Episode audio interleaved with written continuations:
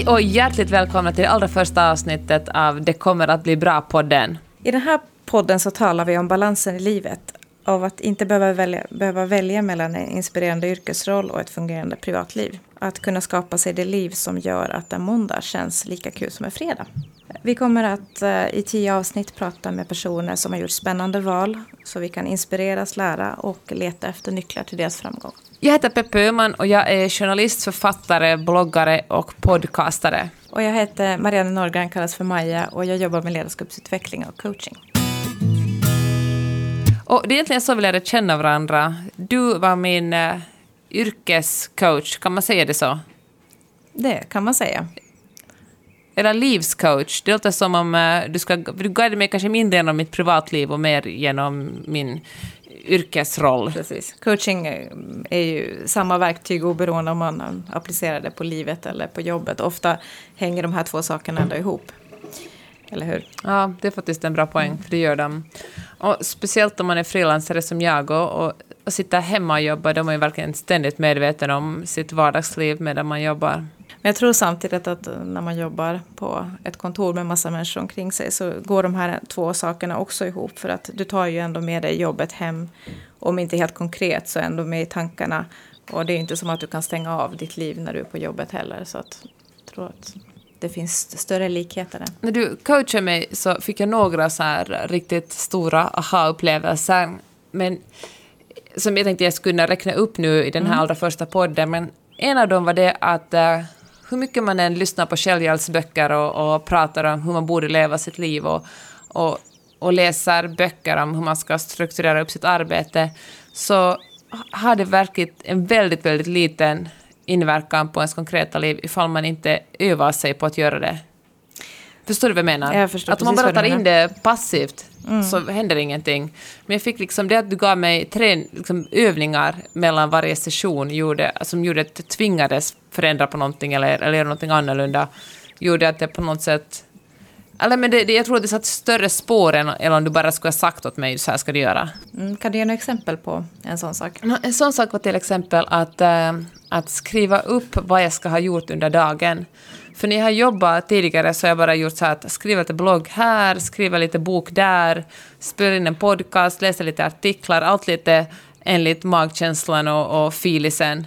Och liksom hoppa från ett projekt till ett annat. Och, och också att jag kunde jobba hur mycket som helst. Mm. Alltså, jag tänker att frilansare, det låter ju så här fritt och härligt, och det är ju fritt och härligt. Men jag har haft ett jättestort problem med att jag verkligen har jobbat precis hela tiden. För att när man har ett, ett jobb som jag har, där man är mest av allt skribent, så tar liksom tar det aldrig slut. Man kan alltid förbättra en artikel eller skriva, liksom skriva om ett stycke i en bok. Och, och det att jag skrev upp, att, skrev upp en lista på morgonen, och det gjorde jag faktiskt också för hela veckan, att det här ska jag gjort idag och det här ska jag gjort hela veckan, så gjorde att jag kunde sådär klappa mig själv på axeln i slutet av dagen och säga att okej, okay, nu är jag också så tillfredsställande, för jag, var det, att kunna säga att jag, jag har gjort allt som står på den här listan. Nu kan jag med gott samvete hälla upp ett glas vin åt mig och, och uh, njuta av att vara med familjen.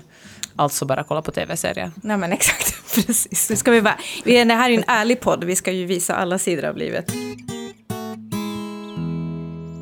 Nej, men jag tänker att jag under den tiden jag fortfarande jobbade och hade ett vanligt jobb så, så hade jag många kompisar som tog det här steget och startade eget. Och, och det märker jag också de klienter jag jobbar med nu som är entreprenörer. Att, att de saker som man saknade, som var orsaken till att man tog det här stora steget som det ändå är att starta eget.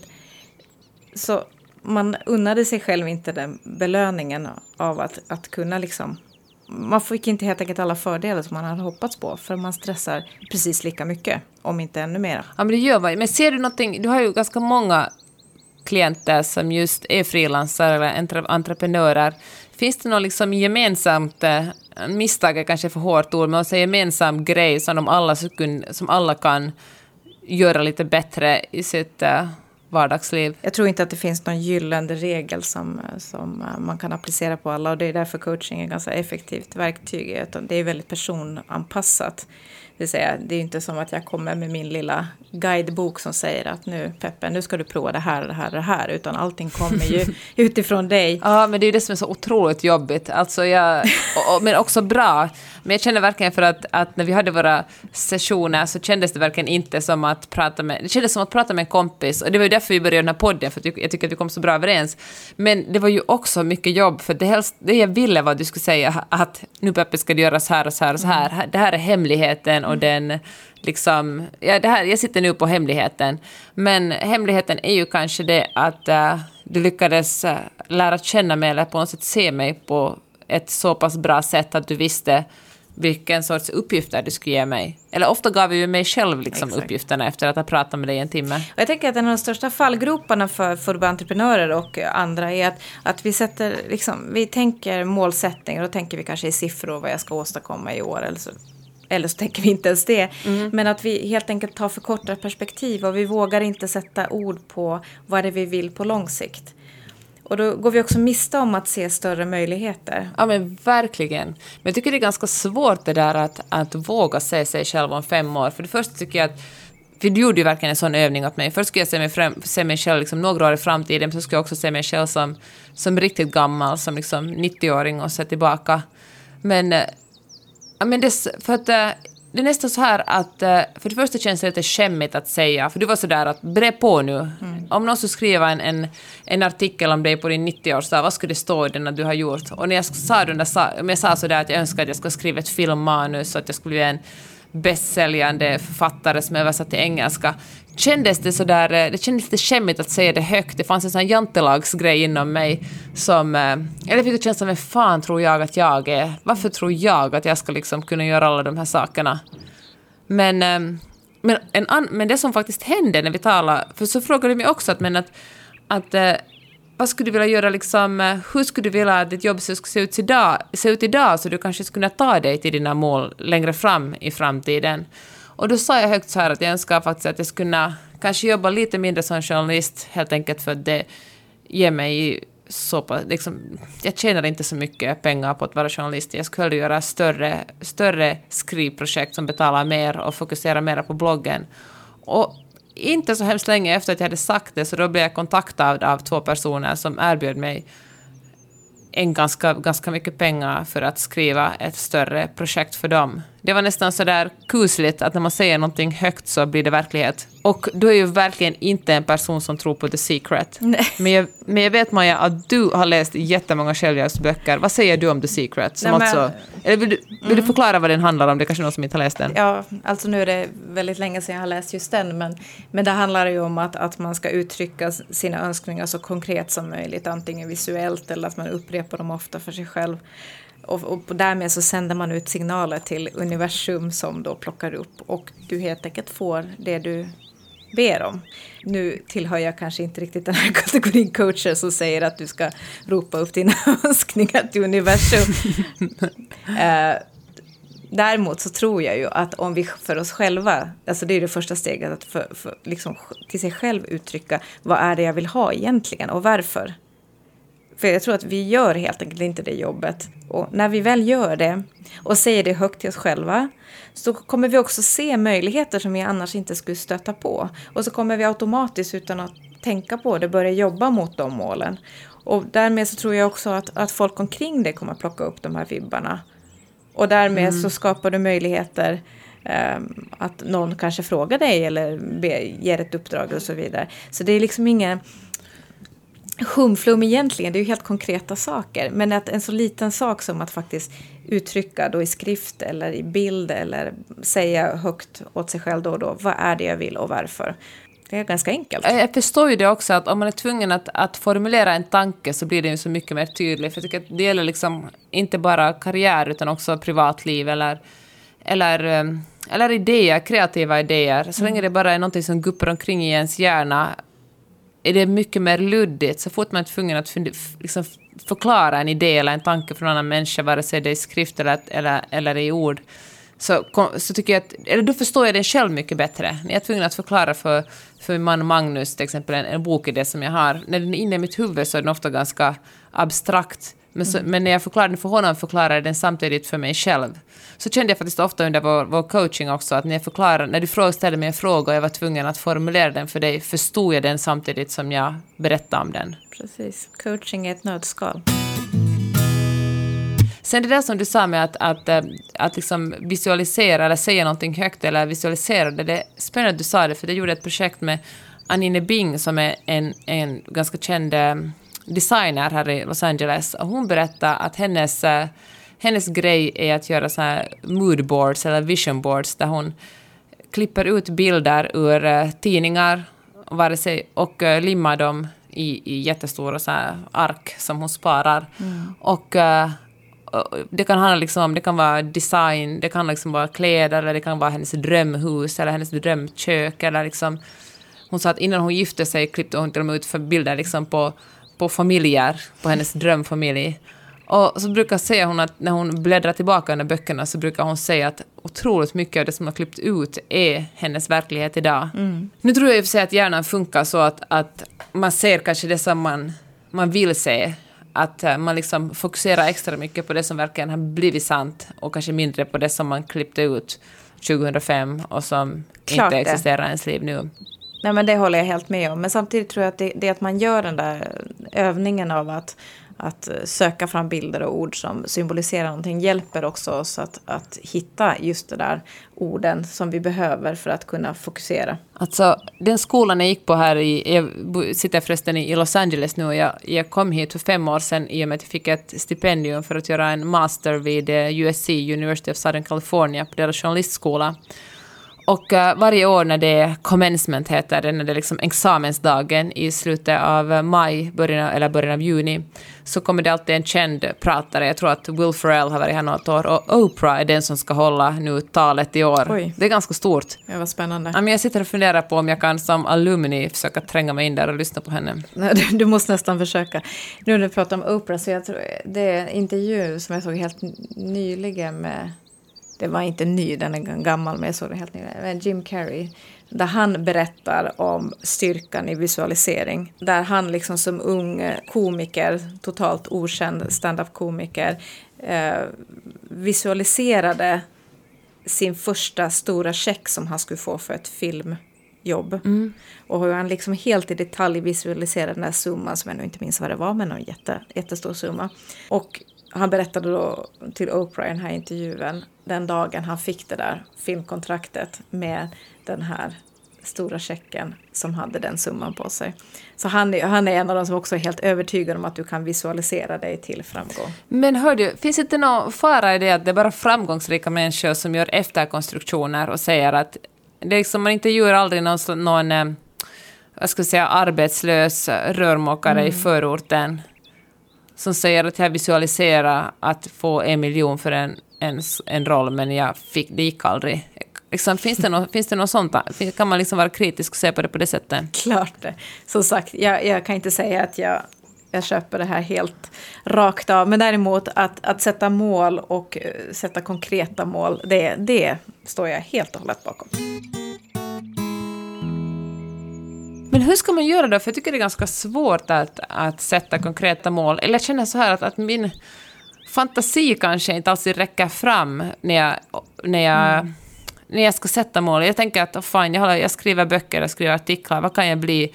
Jag är min dröm liksom att, att skriva en bestsäljare. Det är det i och för sig, i och för sig men det känns som att, att det måste finnas... Eh, det, finnas, det måste finnas mål jag har utanför de målen jag vet om att jag har. Förstår du vad jag menar? Mm. Men därför är det ju bra att göra sådana här tidsförflyttande övningar, det vill säga att man, man hoppar ända till sin egen grav eller till slutet av livet och tittar tillbaka då när man inte har några begränsningar. Och som du själv nämnde det här exemplet att du ville liksom skriva mera, kanske då filmmanus eller någonting i den stilen. Så det är någonting konkret att okej, okay, om det är någonting jag vill ha uppnått när jag är 75 vad är det jag kan göra idag som skulle kunna vara ett steg på vägen dit? Och då kan det ju vara en så enkel sak som att om, om det här är en dröm som jag vill nå, men jag vet inte hur jag ska nå dit. Vad om jag allokerar 20 minuter om dagen till det nu i några månader och ser vad det leder mig? Eller en halvtimme. Mm. Vet du, det kan vara sådana små saker. och sen betyder det ju inte att ens drömmar inte... Jag menar, jag vill ju inte de saker som jag ville när jag var 15 nödvändigtvis. Menar, vi utvecklas ja. hela tiden, vi prioriterar om. Men att ändå titta liksom... Det handlar ju om att skala ner alla de här, man kan inte, man får inte. Men hur ska ja. man göra det då? För mig var det en enorm befrielse att flytta utomlands. Jag kände mig liksom aldrig på något sätt eh, på minsta sätt förtryckt heller när jag bodde i Helsingfors. Men om jag skulle ha sagt i Helsingfors att jag drömmer om att skriva en bästsäljare, eller, eller ännu värre, jag drömmer om att skriva ett filmmanus. Jag tror inte jag skulle våga sagt det högt, för det verkar så pretentiöst. När jag mm. liksom eh, en nobody här i, i LA känns det på något sätt... Ja, men det är lättare att säga det. Eller det är lättare att inte bry sig så mycket om, om någon hemma i Helsingfors tror att jag tror att jag är någon. Blev det flummigt eller förstod du vad jag menar? Nej, nej alltså jag tycker det där är så jätte, jätteintressant. För dels har jag sett det själv. Jag har också bott utomlands nu i några omgångar. Uh, och sen träffar jag på personer som, som då har valt att starta eget när de är på en okänd ort, där de inte pratar lokala språken, där de inte har nätverket. Och liksom, det finns ingenting som gör att det skulle vara lättare för dem att göra det just där de är. Men de vill göra det där därför att skulle de varit hemma skulle de aldrig ha vågat. Alltså det jag tycker det är helt fascinerande att det känns så. Och jag kan lätt identifiera mig med det. Här sitter jag själv i ett främmande land och har startat det här. Jag kan inte säga att jag är säker på att jag ska ha gjort samma steg om jag ska ha bott kvar i Sverige eller Finland. Men hördu, vad fick dig att bli coach? Jag hade då jobbat ganska många år inom näringslivet och eh, blev, flyttade från ett land till ett annat och hade småbarn hemma och hade lite tid att eh, dels vara hemma och, eh, och använda den här tiden till att studera.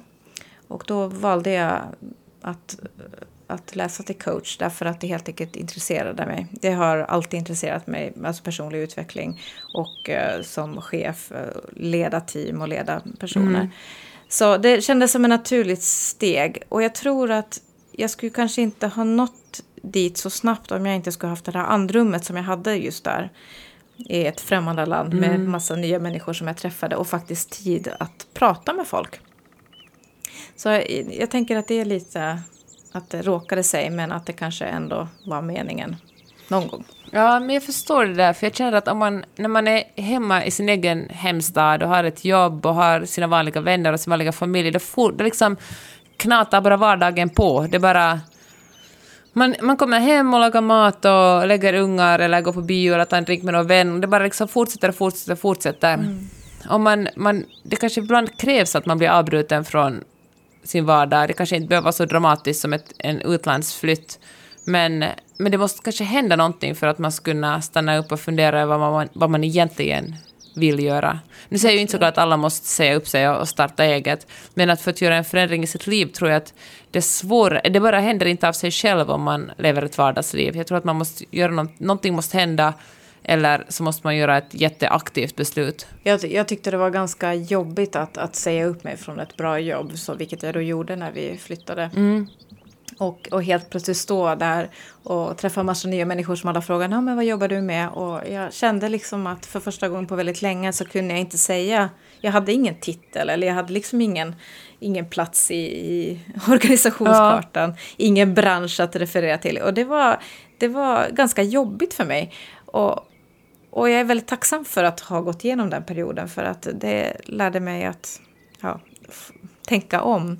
Och... Eh, men intressant att du säger det där, hur mycket ens eh, det som man jobbar med hur mycket ens identitet finns kopplat till det man jobbar med. För att när jag flyttade till LA så hade min man, eh, min man Magnus visste inte riktigt vad han skulle, vad han skulle jobba med här. Han, vi intervjuade ju honom i ett eh, senare avsnitt där han berättar om det här själv, mm. så det kan man detaljerat lyssna på mera sen.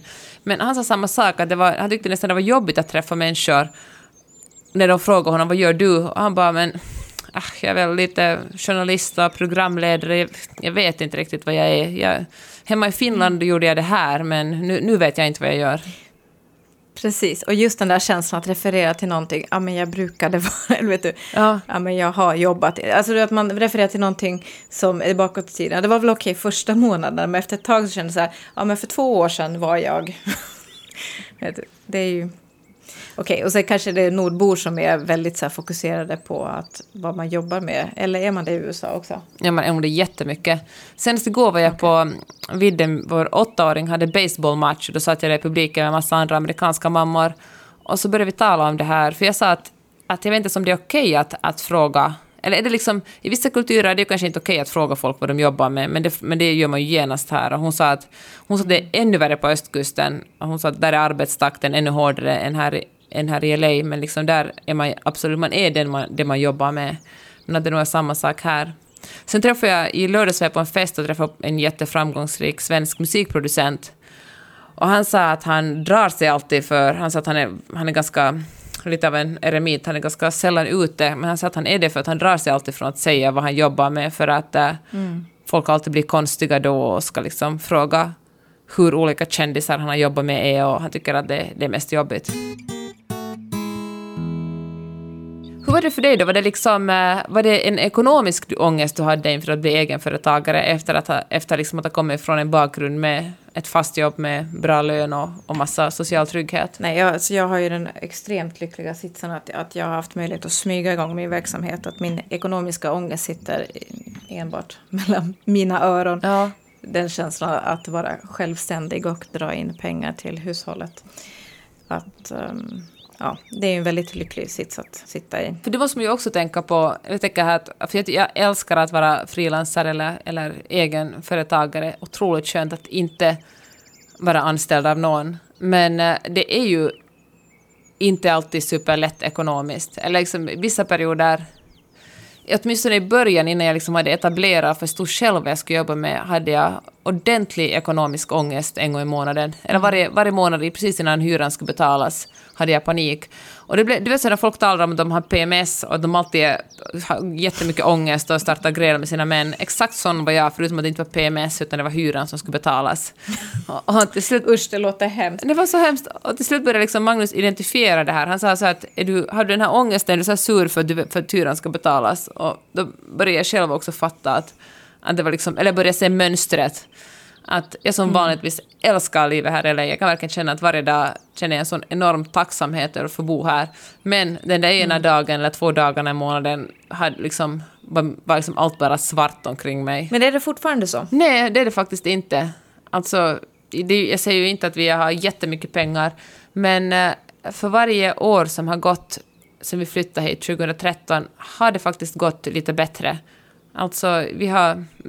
Ja, men det det dyker upp uppdrag som jag inte ens kunde ha räknat med att existera. Och det är också en otroligt mm. skön sak att uh, jag har lärt mig få en viss, eller känna en trygghet i att uh, okej, okay, just nu har jag ingenting, men det kommer ändå alltid att komma någonting. Och kommer det, om jag har en lite sämre månad så har min man en lite, kanske en lite bättre månad, så det finns där för att stödja varandra. Alltså ni två har ju byggt ett, ett ganska fantastiskt frilansarliv. I alla fall efter jag lyssnar på er podcast så då hör jag ju er tillsammans när ni talar om, om, om jobbet och andra saker förstås. Eh, för att jag tänker att det är ju eh, dubbelt modigt att båda vågas ta det steget som ni ändå gjorde, att, att säga upp er från bra jobb i Finland. Hur, hur, vad var det som fick er att, att ta det steget? För mig var det väl mest tristess. Jag jobbade på, jobbade på Hufvudstadsbladet och kände att jag hade gjort det Alltså jag hade inte ens gjort det så himla länge, jag gjorde det några år, för det jobbade jag som chefredaktör på tidningen Papper. Men, eh, men jag var verkligen otroligt uttråkad. Jag kände att jag har gått de här gatorna, jag har, jag har sett den här redaktionen tillräckligt. Jag tyckte, och så tyckte jag oss emellan, Maja, tyckte det var otroligt tråkigt att gå på jobb på morgonen och så fanns det någon som sa hej, jag vill att du ska skriva om det här idag. Men så gnatade jag omkring där på Hufvudstadsbladet redaktion, redaktion på Mannerheimvägen 18 och, och, så såg jag att, så, så läste jag om ett stipendium man kunde söka för att då göra en master här på USC i LA. Sökte det, fick det och det var så pass generöst så jag kunde ta med hela familjen och Magnus behövde inte jobba på ett helt år. Och när vi hade bott här ett år så kände jag bara att nej, att gå tillbaka. Jag har alltid tyckt att det är svårt att gå tillbaka också. Så mm. bara bestämde vi oss för eller att uh, vad fan, vi testar. Vi stannar ett år till och ser vad som händer. Jag tänker att, att de, alla de som lyssnar kanske inte alla är egenföretagare eller jättesugna på att mm. bli egenföretagare. Det skulle, om någon skulle ha frågat mig för fem år sedan så skulle jag, ja, sex år sedan så skulle jag bara skrattat. Um, Så vad är det vi ska ge till de som lyssnar på den här podcasten? Som inte funderar på sina egna bolag. Vi ska ge dem någon slags eh, handledning. Där, där får du, du är utbildad till handledning, så jag tänker på där får du chippa in med din smarthet. Men att äh, hitta ett, äh, någon slags mening i sitt jobb. Kanske, det, kanske man inte behöver säga upp sig, men kanske man kan hitta, om man verkligen vantrivs, liksom hitta mod att äh, söka sig till en annan position eller, eller kanske, ja, men i alla fall liksom forma om vardagen så den blir bra. Så att varje dag är en, en mm. ganska bra dag. Och kanske titta på, det är så lätt att man gräver ner sig i, i offerrollen och tänker att jag kan ändå inte kontrollera mm. det här eller det utanför liksom mig.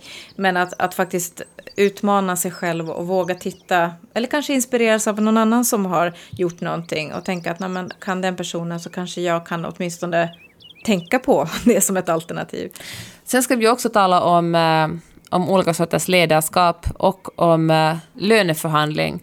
För det är ju inte bara frilansare som kan ha ekonomisk ångest. Jag känner att man kan ha ekonomisk ångest också trots att man har en månadslön.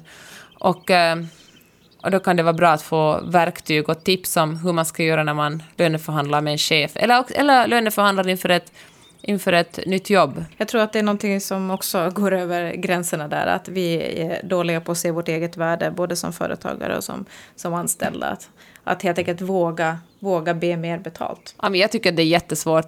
Jag har faktiskt övat, den här våren har jag övat mig på det. Och eh, det, liksom, ja, hur har det gått för dig so far? Nej, men alltså jättebra. Det handlar ju inte alltid om enorma summor, men varje gång jag har bett om lite mer pengar har jag fått lite mer pengar. Och det är också så, det är så sjukt att det för det första ska vara en skämmig sak att på något sätt veta sitt eget värde och säga att, att nej, så här mycket tid kommer det att ta för mig att, att skriva den här artikeln att jag tror att ni skulle kunna gå upp lite i arvode. Men det är fan ingenting skämmigt med det, det är bara att visa att, att, att jag känner att det är bara att visa att min kompetens är värd mer än vad, de, än vad uppdragsgivaren vill, vill till att börja med erbjuda. Men också en sån aha-upplevelse att, att det är faktiskt bara att fråga. Vad är det värsta som kan hända? Liksom, mm. Vad är det? Ingenting. Jag vet inte vad ska, upp, ska vad säga de? Jag menar, man behöver inte gå in och liksom höja det med liksom 100 procent, men att säga att kan jag få en, en hunka mer här eller en hunka mer där, liksom, det är ju... Det sitter ganska bra i ens egen plånbok och är oftast inte en så jättestor big deal för, för uppdragsgivaren. Någonting vi också kommer att prata med våra gäster om är ju nätverk. Mm. Jag tänker att nätverk är ju ett, ett sätt som när man jobbar vare sig man är anställd eller, eller egenföretagare, att just stötta upp en själv där man kan liksom få kraft och inspiration och också hjälp när man har problem. Mm, vad har du för nätverk? Jag har lite blandade nätverk och det är jag väldigt glad för. Och det, det beror ju också på att, att jag flyttar runt en del. Att mm. Jag har ett jättestarkt eh, nätverk av studiekompisar som finns i Helsingfors. Jag har nätverk barndoms vänner från Sverige. Men sen har jag då byggt professionella och privata nätverk i de länder jag har bott. Det nätverk som jag nu bygger och har som, som egenföretagare, det, det har gett mig extremt mycket i att, att helt enkelt finna inspiration, uh, våga testa saker. Men hör du, vad du har byggt upp, vad är det för nätverk då? Kan du ge ett exempel? Du behöver liksom... ja, men något så konkret som att nu när jag satte igång eh, och uh, med min egen verksamhet så har jag ju tagit kontakt med precis alla mina vänner som är egenföretagare. Mm. Oavsett vilken bransch de är i. Därför att jag vet att de sitter på, på erfarenheter och information och eh, tankar och så vidare. Sen valde jag, trots att jag jobbar mycket på Skype och i princip därmed jobbar allra bäst hemma, mm. så valde jag ändå att, att hyra in mig på en coworking inne i Bryssel där jag sitter några dagar i veckan bara för att omges av andra entreprenörer eller mindre företag och uh, lyssna, fika, lunch, prata. Mm. Och därifrån så vänder man liksom nästan alltid en halvdålig dag till någonting konkret som man går ut därifrån med. Men jag har också, jag blir liksom medlem sedan några år tillbaka i, eller liksom många olika så hemliga Facebookgrupper, men det är speciellt en som är så otroligt bra som eh, består av, okay. vi tror vi är kanske 30-40 kvinnor, de flesta sitter i, i, i Stockholm någonstans, men det finns också folk i New York och uppenbarligen LA och, och Köpenhamn och Helsingfors. Och uh, där får man fråga om vad som helst, typ vilket är ditt bästa shampoo, eller jag ska klippa mig i Oslo, vart ska jag gå? Och eller jag behöver en, någon som renoverar vårt kök. Och oftast finns det, ofta kan man tipsa varandra om sådana, det är alltid någon som vet någon. Och, eh, men det finns också, där, där folk är liksom ganska duktiga på sina jobb där, och det är inte sällan någon är sådär att hej, jag vet att de här söker en, en skribent för det här, eller en kommunikatör till det där, eller... Och det, och liksom, eh, och varje gång det händer känner jag en så otroligt stor kärlek till så här kvinnoseparatistiska mm. Facebookgrupper. Tänker, jag är inte medlem i en enda hemlig eh, Facebookgrupp. Då får du kanske grunda en. Ja, jag får kanske göra det. Om jag är inte är lite sen på tåget. Nej.